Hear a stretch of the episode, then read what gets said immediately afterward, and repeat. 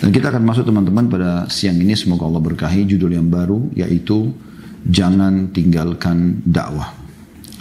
Teman-teman sekalian, berbicara masalah dakwah atau menyampaikan agama Allah Subhanahu wa taala dan menyeruhkan kebenaran ini kepada seluruh manusia adalah kewajiban setiap muslim. Setiap orang di antara kita memiliki peluang yang sangat besar agar dia bisa meraih keutamaan dalam mendakwakan agama Islam. Tentu yang dia dakwakan adalah sesuatu yang sudah dia pelajari, walaupun ilmunya sedikit. Dan terlalu banyak keutamaan dalam menyampaikan agama Allah subhanahu wa ta'ala ini yang harusnya menjadi skala prioritas bagi setiap muslim dan muslimah.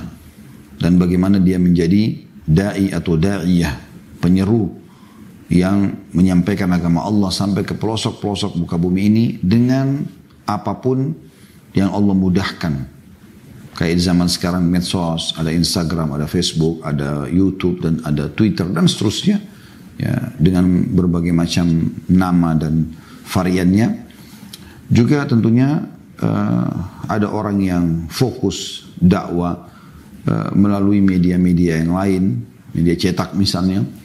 Uh, begitu juga ada orang yang uh, fokus ke WA, di grup-grup WA. Ya. Ada orang yang fokus mungkin berdakwah di sekitar dia, teman-teman di kantor, kerabat-kerabat dekat dan seterusnya. Nah ini ini teman-teman sekalian adalah upaya yang sangat baik.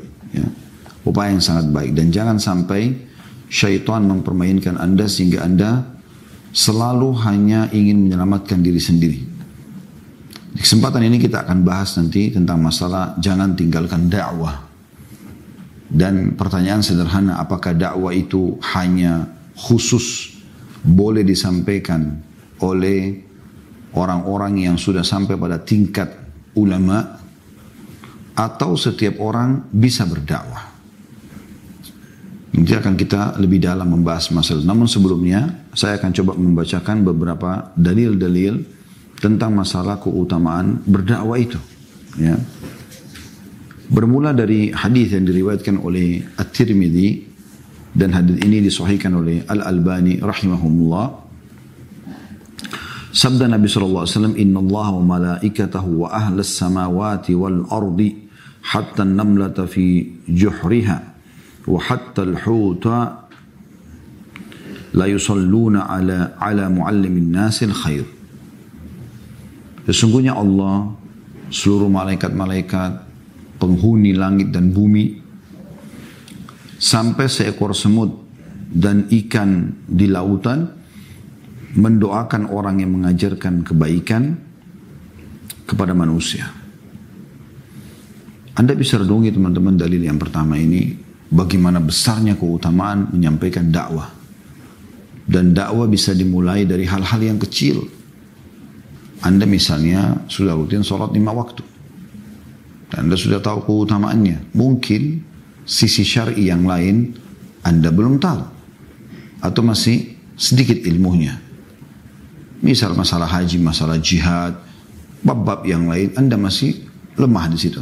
Tapi dalam sholat Anda komitmen mengerjakannya.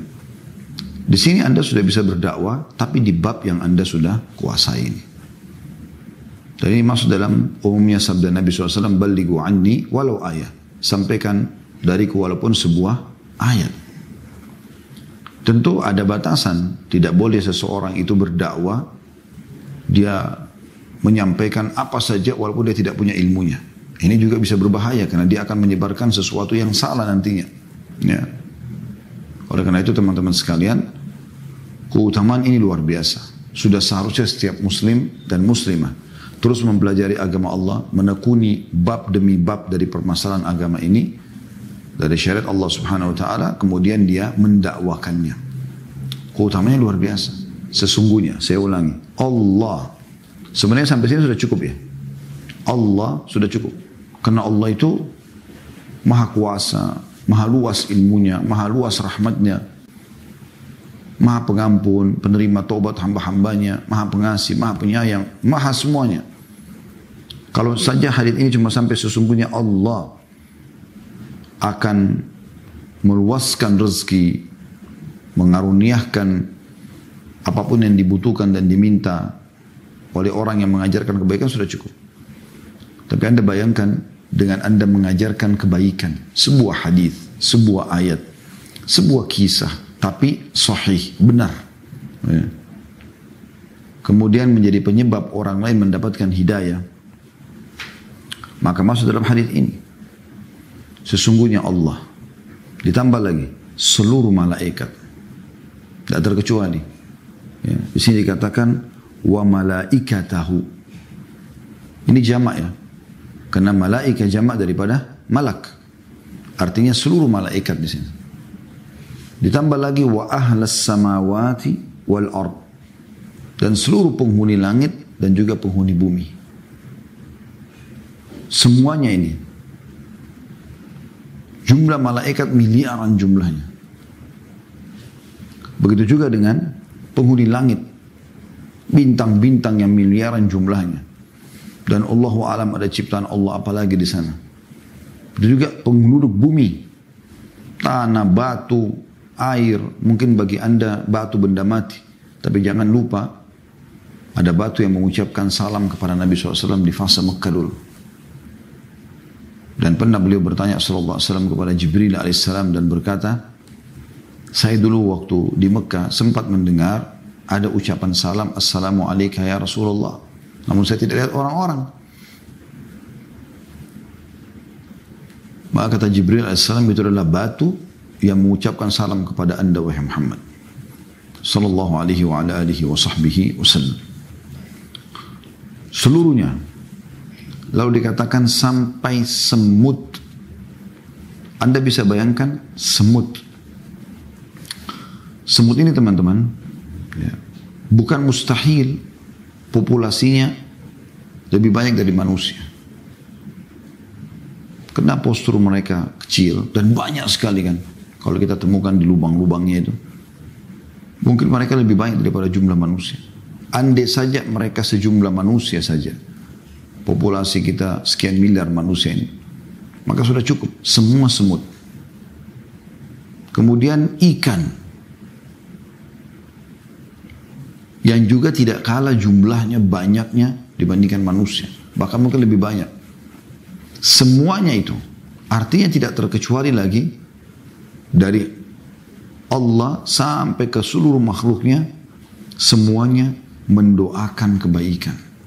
Kalau Allah memberikan kebaikan, tapi malaikat-malaikat, penghuni langit, penghuni bumi, semut-semut di lubangnya, bahkan sampai ikan-ikan di lautan, ya dan semut ini mewakili semua hewan-hewan gitu kan. Penyebutannya seperti itu kurang lebih. Semuanya memohon ampun untuk mendoakan kepada Allah Subhanahu wa taala agar orang ini diberikan kebaikan. Anda bayangkan hanya dengan sebuah hadis, Anda misal melihat ada seseorang melakukan kesalahan. Anda tahu itu adalah perbuatan salah. Misal seorang wanita muslimah, dia melihat ada seorang wanita yang lain tidak berhijab. Kemudian dia tahu kalau hijab ini wajib dalam Islam. Mungkin dia tidak menghafal dalilnya, mungkin. Ada dalil yang dia tidak hafal misalnya. Tapi dia tahu ini kewajiban. Dia bisa membahasakan misalnya, setelah assalamualaikum, assalamualaikum warahmatullahi wabarakatuh. Apakah anda muslimah? Dia mengatakan iya benar, baik. Apakah anda belum tahu kalau dalam Islam itu setiap muslimah diwajibkan menutup aurat? Misal. Hanya dengan bahasa begitu. Biasa syaitan akan membisikkan kita supaya takut untuk menyampaikan. Takut untuk meluruskan kemungkaran. Takut untuk menyampaikan yang ma'ruf atau diperintahkan dalam agama. Dan biasanya standar. Nanti dia tersinggung. Dia terima nggak ya? Nanti dia marah atau enggak? Padahal sebenarnya tugas kita hanya menyampaikan teman-teman. Kita nggak ada hubungannya sama sekali dengan dia terima atau tidak. Begitulah perintah Allah SWT kepada para rasul alaihi wassalatu wassalam termasuk Nabi Muhammad wasallam. Tugasnya mereka hanya menyampaikan. Dan ada beberapa ayat Al-Quran yang menyinggung bagaimana Nabi wasallam disuruh tidak usah berpikir tentang masalah orang-orang yang menolak dakwah. Beliau sempat sedih karena Abu Talib, pamannya, beliau ajak untuk mengucapkan La ilaha illallah di akhir hidupnya. Lalu kemudian Abu Jahal dan beberapa temannya datang di atas kepala Abu Talib sudah mengatakan, Hai Abu Talib, kalau seandainya kau ucapkan apa yang ponakanmu bilang ini, kami akan menghinamu selamanya. Maka dia pun mengatakan, aku di atas keyakinan kaumku. Kemudian dia meninggal. Nabi SAW sempat sedih. Allah turunkan firman yang masyhur. A'udzu billahi minasyaitonir rajim. Innaka la tahdi man ahbabta, walakin Allah yahdi man yasha. Sesungguhnya hai Muhammad kau tidak bisa memberikan petunjuk kepada orang yang kau cintai tapi Allah memberikan petunjuk kepada siapa pun yang dia inginkan. Maka kita tugas hanya menyampaikan. Masalah orang itu terima atau tidak terima itu urusan nanti. Dan berapa banyak teman-teman sekalian orang yang hanya menyampaikan sebuah hadis, dia coba berdakwah apa yang dia ketahui, tapi syaratnya benar ya. Supaya jangan anda justru terbalik menjadi dosa kalau orang melakukan perbuatan yang salah. Kemudian orang-orang yang didakwah itu ternyata ada yang menjadi ulama besar. Bukan mustahil itu. Ya. Banyak terjadi seperti itu. Saya subhanallah sering ketemu dengan beberapa orang. Yang saya lihat Masya Allah. Mengajar di masjid sana sini. Mengajar Al-Quran. Mengajar agama. Sampai ada yang luar negeri bertugas di luar negeri. Ada juga yang dalam negeri. Yang sampai menjadi sosok-sosok yang dikenal Masya Allah di tengah-tengah masyarakat. Pengikutnya banyak, orang banyak menjadikan dia sebagai panutan. Subhanallah pada saat ketemu duduk lalu ada yang mengatakan kepada saya, Ustaz, antum lupa ya siapa ana? Saya juga bingung gitu. Iya akhi, betul lupa.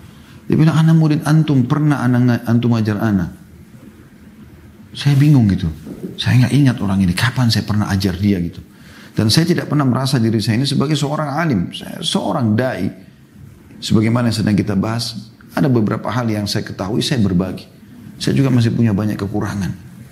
Kita masih kembali kepada ulama-ulama besar. Kita hanya menyampaikan apa yang bisa kita sampaikan. Kita bukanlah seseorang yang mufti yang bisa menyampaikan semua hukum. Saya bacakan buku, apa yang saya tahu saya berbagi, yang teringat dari hadis. Coba kita berdakwah, menyampaikan itu. Tapi subhanallah, ternyata efeknya sangat luar biasa. Tergantung kalau anda ikhlas, Efeknya seperti ini. Saya langsung tiba-tiba kadang-kadang sedih kalau mengingat seperti ini. Karena ternyata ada orang yang subhanallah mungkin hanya kita sampaikan sebuah kisah, sebuah hadis, dia berubah. Dan berapa banyak Masya Allah netizen kita juga membahasakan masalah itu. Yang Masya Allah mungkin mendengarkan satu cuplikan, satu ceramah, satu ayat, satu hadis, penjelasan tentang kisah-kisah orang-orang soleh. Lalu dia hijrah, dia berubah gara-gara itu. Subhanallah, saya sering bahasakan kepada teman di kantor. Mungkin saya menyampaikan ceramah. Antum sibuk dengan mengedit, sibuk mengatur jadwal. Antum juga dapat pahalanya. Semua ini peluang-peluang yang luar biasa gitu. Kita tidak pernah tahu siapa yang akan Allah berikan hidayah.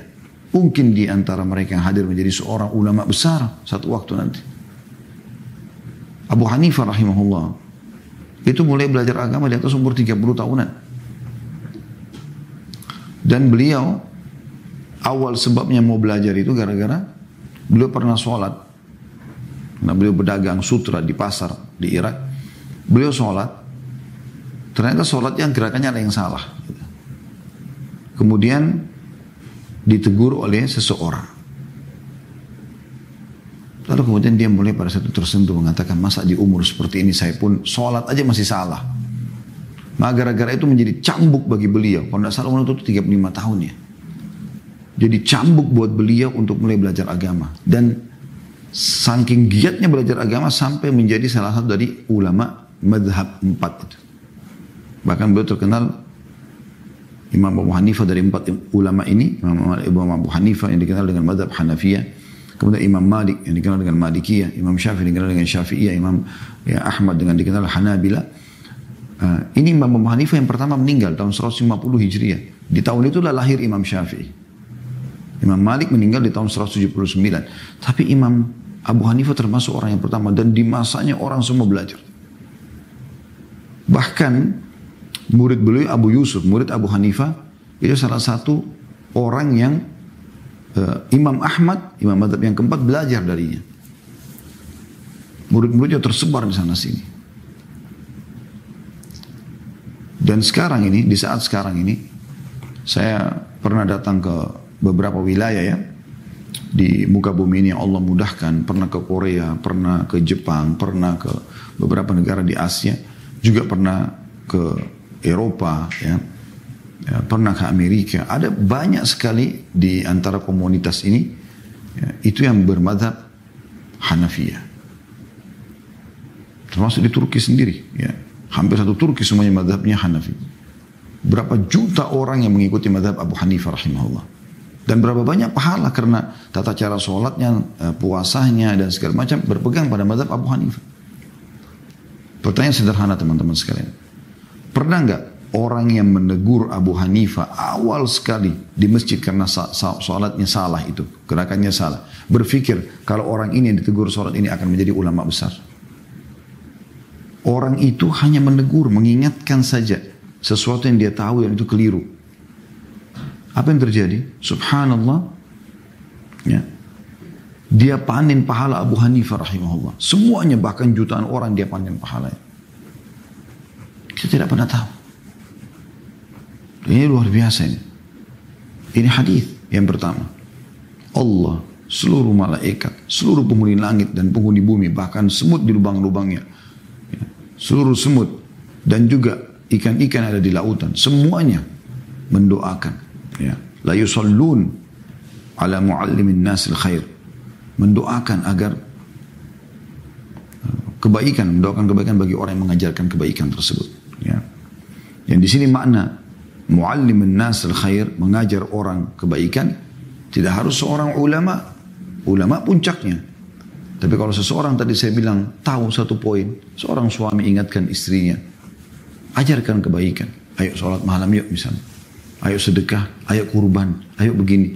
Istri mengingatkan suaminya. Kayaknya kemarin yang saya diceritakan itu masalah uang yang mau didapatkan di kantor sepertinya ada syubhatnya ya. Apa nggak lebih baik kita tinggalkan? Dia sampaikan kebaikan. Satu kebaikan. Itu sudah cukup untuk mendapatkan doa seluruh tadi yang sudah kita sebutkan itu. Itu juga dengan sabda Nabi Sallallahu Alaihi Wasallam dalam hadis riwayat Muslim, hadis yang masyhur. Man dalla ala khairin falahu mithlu falahu mithla ajri fa'ilihi.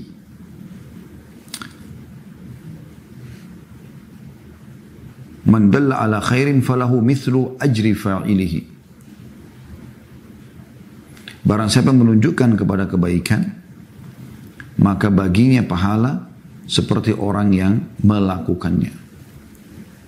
Anda sampaikan untuk ngajak anak-anak muda yang tidak sholat untuk sholat, keluarga yang tidak sholat untuk sholat, yang tidak tutup aurat untuk tutup aurat, yang masih makan tangan kiri, minum tangan kiri, Anda ajarkan supaya mereka ke tangan kanan, dan seterusnya. Bermula dari hal-hal yang kecil aja, yang termudah, terutama yang kita punya ilmunya ya, dan terutama lagi ya, kalau kita sudah mengamalkan. Maka kita akan panen pahala dia. Dan ini saya melihat peluang yang Allah subhanahu wa ta'ala berikan kepada kita sebagai seorang muslim. Bagaimana memperbanyak pahala pada hari kiamat nanti. Juga sabda Nabi SAW diriwayatkan oleh Imam Muslim. Man da'a ila huda. Kana lahu minal ajri mithlu ujuri man tabi'ahu. La yunqasu min ujurim syai'a. Saya ulangi. Man da'a ila huda. Kana lahu minal ajri mithlu ujuri man tabi'ahu. La yunqasu min ujurihim syai'a. Barang siapa yang mengajak kepada hidayah, maka baginya pahala seperti orang-orang yang mengikutinya, tanpa mengurangi pahala mereka sedikit pun.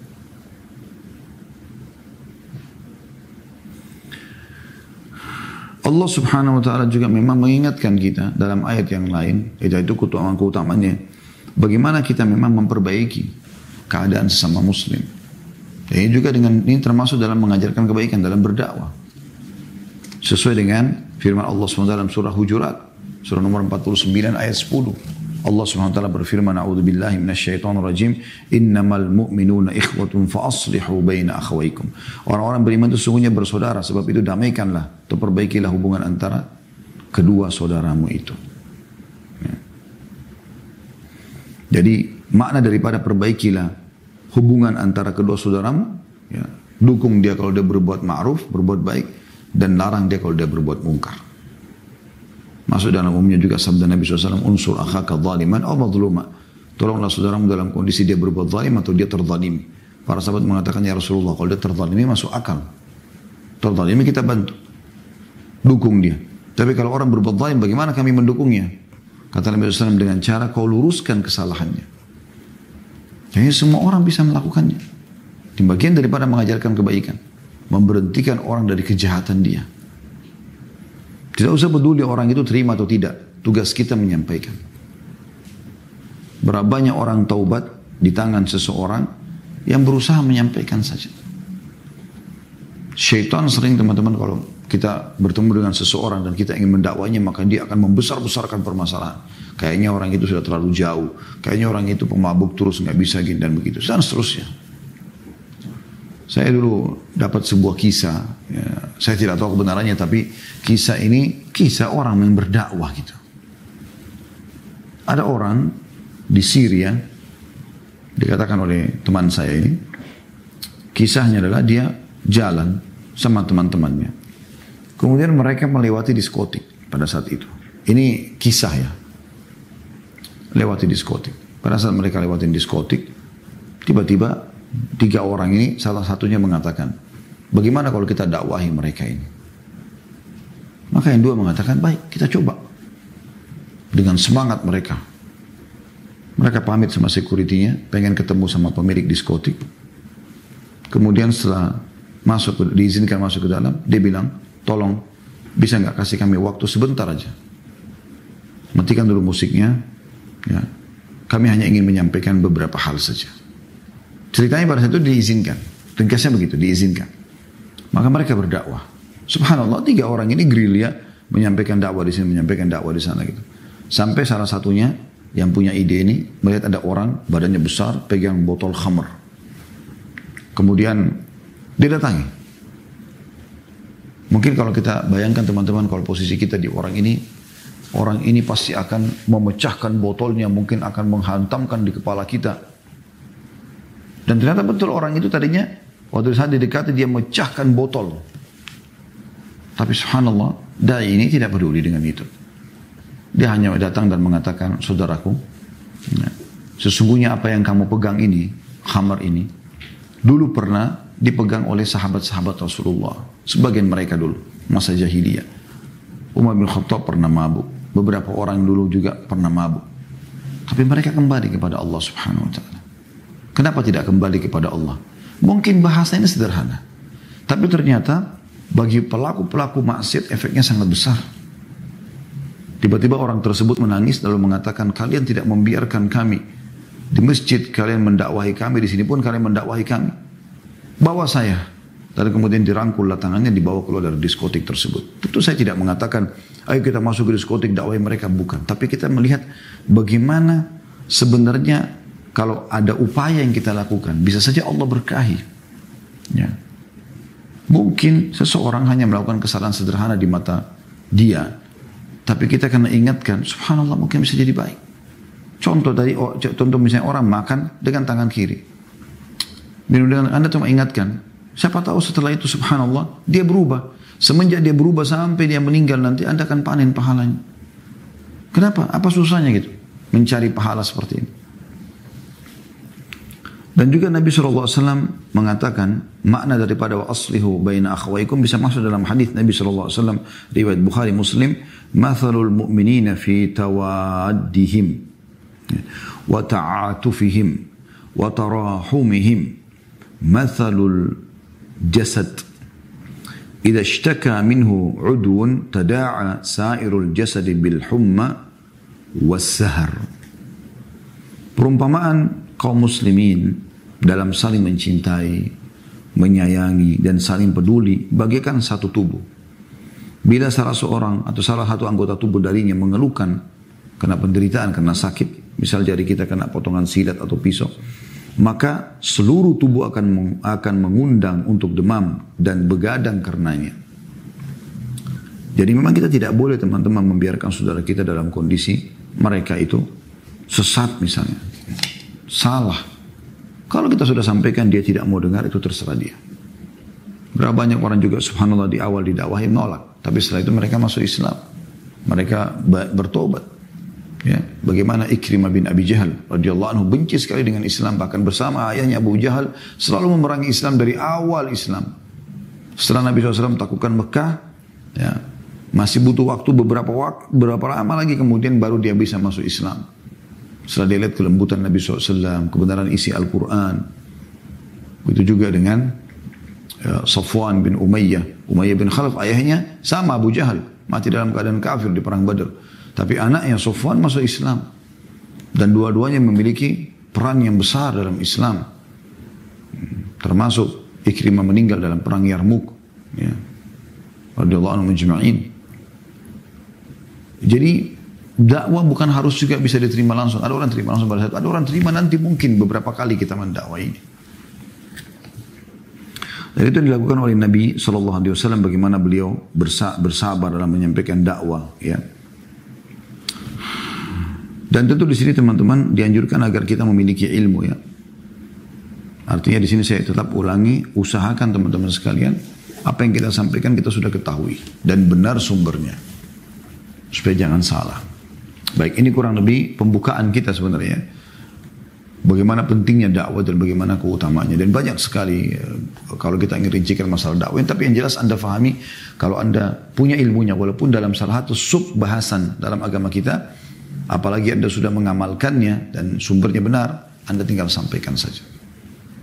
Nasihatin, luruskan. Kalau Anda juga tidak punya ilmunya, Anda bisa mengajak seseorang itu kepada orang yang ahli di bidangnya. Misalnya teman anda anda ajak ketemu sama seseorang yang ahli ustadz ustadzah laki-laki ke laki-laki misalnya perempuan ke perempuan. Contoh misalnya kemudian dinasihatin lalu dia jadi baik anda juga tetap dapat pahala. Berapa kali terjadi kami di kantor ada yang datang masuk Islam? Mereka awam. Tapi karena temannya ini mau didakwahi Islam dan tertarik mau masuk Islam maka mereka bawa ketemu dengan kami lalu kami coba dengan sedikit ilmu ini kami nasihatin dan alhamdulillah dia mau syahadat. Jadi teman ini panen pahalanya juga. Gitu. Kan. Seperti itu teman-teman sekalian. Baik saya akan bacakan apa yang tulis oleh penulis di sini tentang masalah jangan tinggalkan dakwah. Salah satu hal yang harus diperhatikan pada saat anda sudah hijrah. Karena kita bahas tentang kiat-kiat hijrah meninggalkan kemaksiatan menuju kepada ketaatan ya dan istiqomah dalam ketaatan. Bagaimana Anda setelah hijrah? Anda juga semangat berdakwah. Karena semangat berdakwah ini teman-teman sekalian akan membuat kita selalu bisa istiqomah. Karena kan kita selalu sibuk untuk menyampaikan kebenaran. Kita pun akhirnya menikmati itu. Dan dengan itu tertepis dengan sendiri perbuatan dosa. Saya akan bacakan di halaman 118-nya. Kata penulis, jangan tinggalkan dakwah judulnya. Pemuda yang melakukan kemaksiatan Tanda kutip, demikian pula kita semua. Maksudnya, pemuda melakukan kemaksiatan dan kita pun semua ini melakukan kemaksiatan.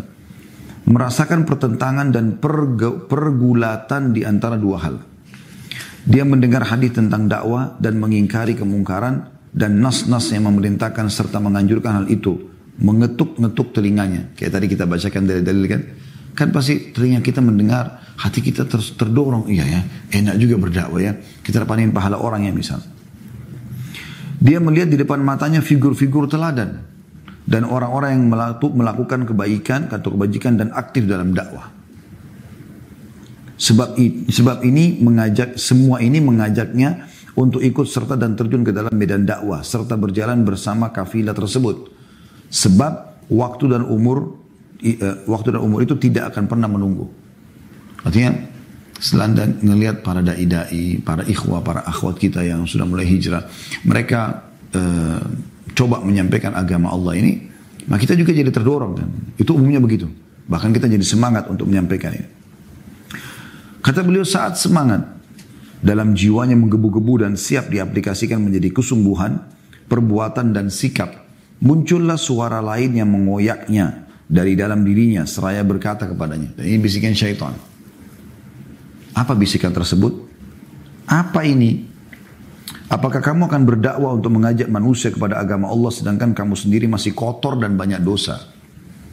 Dakwah dan membela agama adalah kedudukan mulia dan derajat tinggi yang tidak layak untuk orang-orang sepertimu. Orang-orang yang banyak melakukan kesalahan.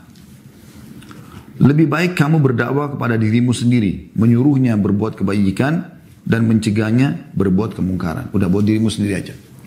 Ada kalanya suara ini menang sehingga dia mengurungkan niatnya dan menunda untuk fase berikutnya. Karena Anda kalau mau berdakwah nanti Anda butuh ilmu, maka Anda akan belajar kan gitu. Anda tidak akan ke fase itu karena Anda sudah cut diri Anda dari awal. Bisa dilihat bagaimana perilaku ini dipengaruhi oleh tekanan syar'i. Ya. Jadi seakan-akan ini adalah dalil syar'i, gitu kan? Bahwasanya kamu belum layak itu khusus untuk orang-orang yang kelasnya memang ulama-ulama gitu. Dan bahwa perasaan berdosa menyebabkan dirinya urung memasuki medan dakwah tersebut. Mencapai hasil yang langsung dengan kesalahan dan kebenaran suatu ucapan adalah logika yang tertolak. Artinya begitu muncul di benak anda bisikan seperti langsung anda membenarkan, ini tertolak secara akal. Baik secara syari maupun secara akal. Harusnya kan dicerna dulu. Karena itu pernyataan karena itu pernyataan tersebut, karena itu pernyataan tersebut harus ditimbang dengan nas-nas syariat dan logika akal yang kokoh menurut timbangan syariat. Mungkin benar anda, wahai saudaraku yang mulia, cukup mampu untuk mendiskusikan masalah ini. Kita katakan, dan kepada Allah kita meminta taufik dan kepadanya kita meminta pertolongan yang pertama. Jadi beliau cuma menjawab syubhat ini. Banyak orang tidak mau berdakwah karena dia merasa dirinya kotor, penuh dengan dosa. Siapa sih saya gitu kan? Kata beliau yang pertama untuk menepis ini. Tidak dilakukan lagi bahwa perkataan yang tidak dibuktikan dengan perbuatan adalah perbuatan yang tercela. Jadi misalnya orang suruh sholat tapi dia tidak sholat itu memang tercela. Menurut Al-Quran dan As-Sunnah serta pernyataan generasi salaf umat ini. Berarti daripada dalil Al-Quran misalnya dalam surah As-Saf ayat 2 sampai ayat 3 yang berbunyi A'udzubillahi minasyaitonir rajim ya ayyuhalladzina amanu lima taquluna ma la taf'alun kabura maqtan 'indallahi an taqulu ma la taf'alun Wahai orang-orang beriman mengapa kalian mengatakan sesuatu yang tidak kalian kerjakan Sangatlah besar kebencian di sisi Allah bahwa kalian mengatakan apa-apa yang tidak kalian kerjakan. Di dalam Al-Quran juga disebutkan. Dalam surah Al-Baqarah ayat 44. Jadi ini hardikan terhadap orang yang mengucapkan tapi tidak mengamalkan Birri wa tansawna anfusakum wa antum tatruna al-kitab afala taqilun. Apakah kalian menyuruh orang-orang mengerjakan kebajikan sedangkan kalian melupakan diri kalian sendiri? Padahal kalian membaca kitab, maka tidakkah kalian berfikir? Ini ayat dua ayat Al-Quran yang menghardik orang yang ya, tidak mengerjakan apa yang dia ucapkan. Nah ini kan tadi bisa menjadi sebuah syubhat. Jadi orang ketakutan sendiri untuk menyampaikan dakwah. Gitu ya. Nanti akan dijelaskan oleh penulis.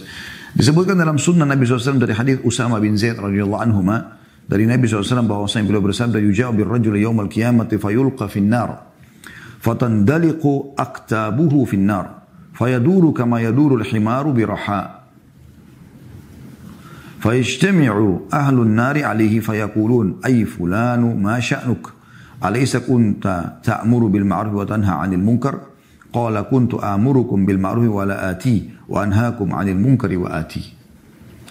Seseorang datangkan pada hari kiamat nanti lalu dicampakkan di dalam neraka sehingga usus-ususnya keluar. Jadi ada orang nanti disiksa begitu, ususnya keluar. Lalu dia berputar sebagaimana keledai berputar mengelilingi alat penggilingan tepung. Ya, zaman dulu orang begitu kalau mau menggiling, kalau manusia terus yang mutar ini kan alat gilingan dulu masih pakai-pakai kayu gitu kan. Itu kan lama. Ya, dia keledai aja di buat putar di situ ya. Lalu para penghuni neraka berkumpul padanya seraya berkata. Tentu di sini ada footnote ya, yang dimaksud dengan berputar mengelilingi alat penggilingan tepung keledai sebagaimana kalau dia berputar mengelilingi alat penggilingan tepung ada footnote nomor 87 dikatakan oleh penulis pada zaman dahulu sebelum ditemukan alat penggilingan modern alat penggilingan hanya berupa dua batu besar yang dilubangi di antara keduanya Lalu batu yang berada di atas diberi celah yang digunakan untuk memasukkan biji-bijian dan padanya terdapat kayu yang diikatkan kepada punggung keledai. Kemudian keledai itu berputar mengelilingi alat penggilingan tersebut dan dengan berputarnya keledai tersebut maka saat itulah alat penggilingan menggiling tepung diambil dari syarah Diadus Solihin punyanya Syekh Muhammad Ibn Utsaimin rahimahullah. Ya, nanti ada orang begitu datang hari kiamat di neraka, dia berputar-putar di tempat yang dia disiksa dan ususnya keluar gitu. Maka para penghuni neraka berkumpul, lalu berkata kepada orang ini, wahai fulan, ada apa denganmu? Bukankah kamu dahulu suka menyuruh berbuat kebajikan dan mencegah kemungkaran? Dia menjawab, dulu aku menyuruh kalian berbuat kebajikan, tapi aku tidak melakukannya. Dan aku melarang kalian berbuat kemungkaran, tapi aku melakukannya. Hadis ini diriwayatkan Bukhari dan Muslim. Terdapat beberapa, kata beliau, terdapat beberapa riwayat dari generasi salaf mengenai hal itu. Di antaranya perkataan Abu Darda radhiyallahu anhu. Beliau berkata, seseorang tidak benar-benar memahami agamanya sehingga dia membenci manusia yang bermaksiat karena Allah karena dia melihat kembali kepada dirinya sehingga dia membenci dirinya. Ya. Jadi maksudnya di sini poin pertama, dalil-dalil tentang masalah memang ada celaan terhadap orang yang menyampaikan apa yang dia tidak kerjakan. Gitu kan. Yang kedua, apakah celaan yang terdapat dalam nas-nas tersebut ini masih menyambung sebenarnya, tapi beliau jadikan poin kedua. Apakah celaan yang terdapat dalam nas-nas tersebut merupakan celaan kepada seseorang atas dakwanya dan pengingkarannya terhadap kemungkaran? Ataukah itu celaan untuknya karena perbuatan mungkarnya? Padahal dia adalah orang yang paling utama untuk menjauhinya. Tanda tanya. Barangkali yang kedua itulah yang lebih sesuai dengan nas-nas syariat. Sebab tidak masuk akal bila seseorang dicela dan dikritik karena perbuatan baik. Dan amal kebajikannya menjadi keburukan yang harus disiksa karenanya. Al-Hafidh Ibn Kathir berkata rahimahullah, memilih pengertian yang kedua. Beliau berkata yang dimaksudkan bukan mencela mereka atas seruan mereka kepada kebajikan sekaligus meninggalkannya. Tapi mereka dicela karena mereka meninggalkannya. Jadi maksudnya makna daripada dalil-dalil tadi itu sebenarnya lebih kepada orang yang meninggalkan dakwanya. Dia meninggalkan yang ma'ruf. Ya yang seharusnya pada saat dia dakwakan dia mengerjakan. Celaannya lebih kepada itu. Dia meninggalkannya ya. Jadi bukan kepada oh kalau begitu saya nggak usah berdakwah karena kan nanti tidak sesuai apa yang saya sampaikan. Dan dalam ayat ini juga masuk dari dari ini masuk juga orang yang berdakwah atau menyampaikan agama memang dia tidak mau mengamalkan. Dia hanya jadikan sebagai sebuah profesi biasa saja.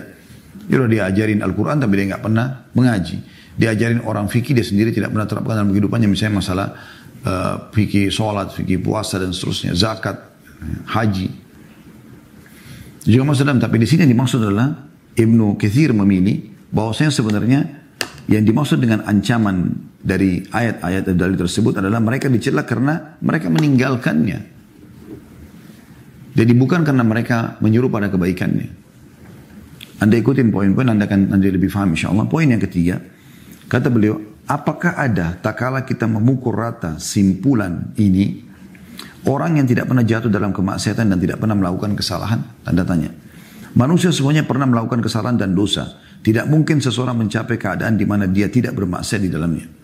Kemudian dapatkah kita mengatakan setelah itu bahwa seseorang tidak berhak untuk menyuruh orang lain agar takut kepada Allah karena dia pasti pernah melakukan kemaksiatan dan itu muncul karena kurangnya rasa takut kepada Allah atau seseorang tidak berhak untuk menyuruh mereka supaya bertakwa kepada Allah. Padahal dia sendiri masih berbuat maksiat.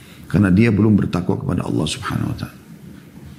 Ringkasnya kata beliau, ini berarti bahwa seseorang tidak boleh berdakwah dan menyuruh orang berbuat kebaikan sebab tidak mungkin seseorang dapat mencapai keadaan di mana dia tidak pernah melakukan kemaksiatan. Maknanya adalah kalau kita mengatakan oh kalau begitu berarti dakwah ini tidak perlu disampaikan oleh orang yang pernah berbuat dosa berumuran dosa. Walaupun dia sudah tobat sekarang. Karena memang dia tidak bersih. Dakwah ini harus orang bersih. Pertanyaan sederhana. Siapa di antara kita yang tidak pernah bermaksiat teman-teman sekalian? Pasti kita melakukan dosa. Kita melakukan kemaksiatan. Nah kemaksiatan yang kita lakukan ini tidak menghalangi kita untuk berdakwah sebenarnya. Mungkin dengan kita berdakwah, kita menyampaikan, maka kita pun Akhirnya taubat kita pun kembali kepada Allah Subhanahu wa taala. Berapa banyak orang-orang yang tadinya menjadi perampok jalanan, preman, tiba-tiba tersentuh hatinya lalu kemudian dia menasihatin teman-temannya lalu mereka semuanya tiba-tiba berubah menjadi anak-anak yang baik. Hanya dakwah belum sampai kepada mereka mungkin. Saya pernah pergi ke Irian dan masuk ke pelosok pedalaman subhanallah sangat jauh. Lampu pun belum ada gitu. Kemudian saya tinggal kurang lebih dua, dua pekan di satu desa kecil sekali. Semua serba dari kayu termasuk masjidnya pun. Kemudian saya minta waktu kepada muslimin di sana agar hadir di masjid. Kita coba dengarin ceramah gitu ya. Pada saat saya lihat masjid tidak banyak orang yang datang, artinya penghuni masjid yang sekitar situ saja. Saya tanya apa di sini masyarakat penduduk kaum muslimin, mereka bilang banyak di belakang-belakang sana, tapi mereka itu mabuk-mabuk, mereka tidak pernah menghadiri masjid dan segala macam. Baik saya pagi-pagi selepas waktu duha, saya jalan-jalan gitu. Terus saya terusurin desa itu sambil tegur, assalamualaikum, sapa orang. Sampai saya duduk dengan beberapa anak-anak muda gitu. Setelah saya duduk dengan mereka, ngobrol-ngobrol, mereka tahu, oh, Ustadz ya, mereka tahu saya lagi ada di masjid. Waktu itu ya, ini tahun mungkin 2003, 2002, di awal-awal tahun 2000-an ya. Belum belum ada medsos ya kita maka pada saat itu subhanallah saya ngobrol-ngobrol, akhirnya mereka jadi diskusi. Banyak bertanya tentang, tentang keutamaan sholat. Maka saya bicara tentang keutamaan sholat, saya bicara tentang, sudah tidak ingat semua apa yang saya sampaikan, tapi pada saat itu sempat menyinggung masalah kematian, ada hisap pada hari kiamat. Segala. Cuma sederhana, mungkin setengah jam pada saat itu. Kemudian saya pamit. Subhanallah, saya cuma bilang sebelum saya pergi, insya Allah nanti maghrib, antara maghrib bisa ada taklim ya. Silahkan datang, mudah-mudahan bisa datang. Iya, iya Ustaz, ya Ustaz. Begitu saya habis sholat maghrib, salam, subhanallah masjid banyak yang datang. Sampai pengurus masjid pada balik melihat dan mereka tahu rumahnya anak-anak muda ini nggak pernah ke masjid gitu. Kaum muslimin tidak didakwahi saja gitu. Subhanallah, saya pun punya kekurangan banyak, tapi saya coba menyampaikan apa yang saya bisa. Akhirnya kami kumpul, kami ngobrol dan akhirnya terjadi diskusi yang cukup banyak tentang masalah agama, bertanya, mereka jadi berubah. Alhamdulillah. Jadi kita ada upaya Allah akan berkahi. Sa'id bin Jubair rahimahullah berkata, sekiranya seseorang tidak boleh menyuruh berbuat kebajikan dan mencegah kemungkaran sehingga tidak ada dalam dirinya suatu kesalahan pun, maka tidak ada seorang pun yang menyuruh kepada kebajikan dan mencegah kemungkaran.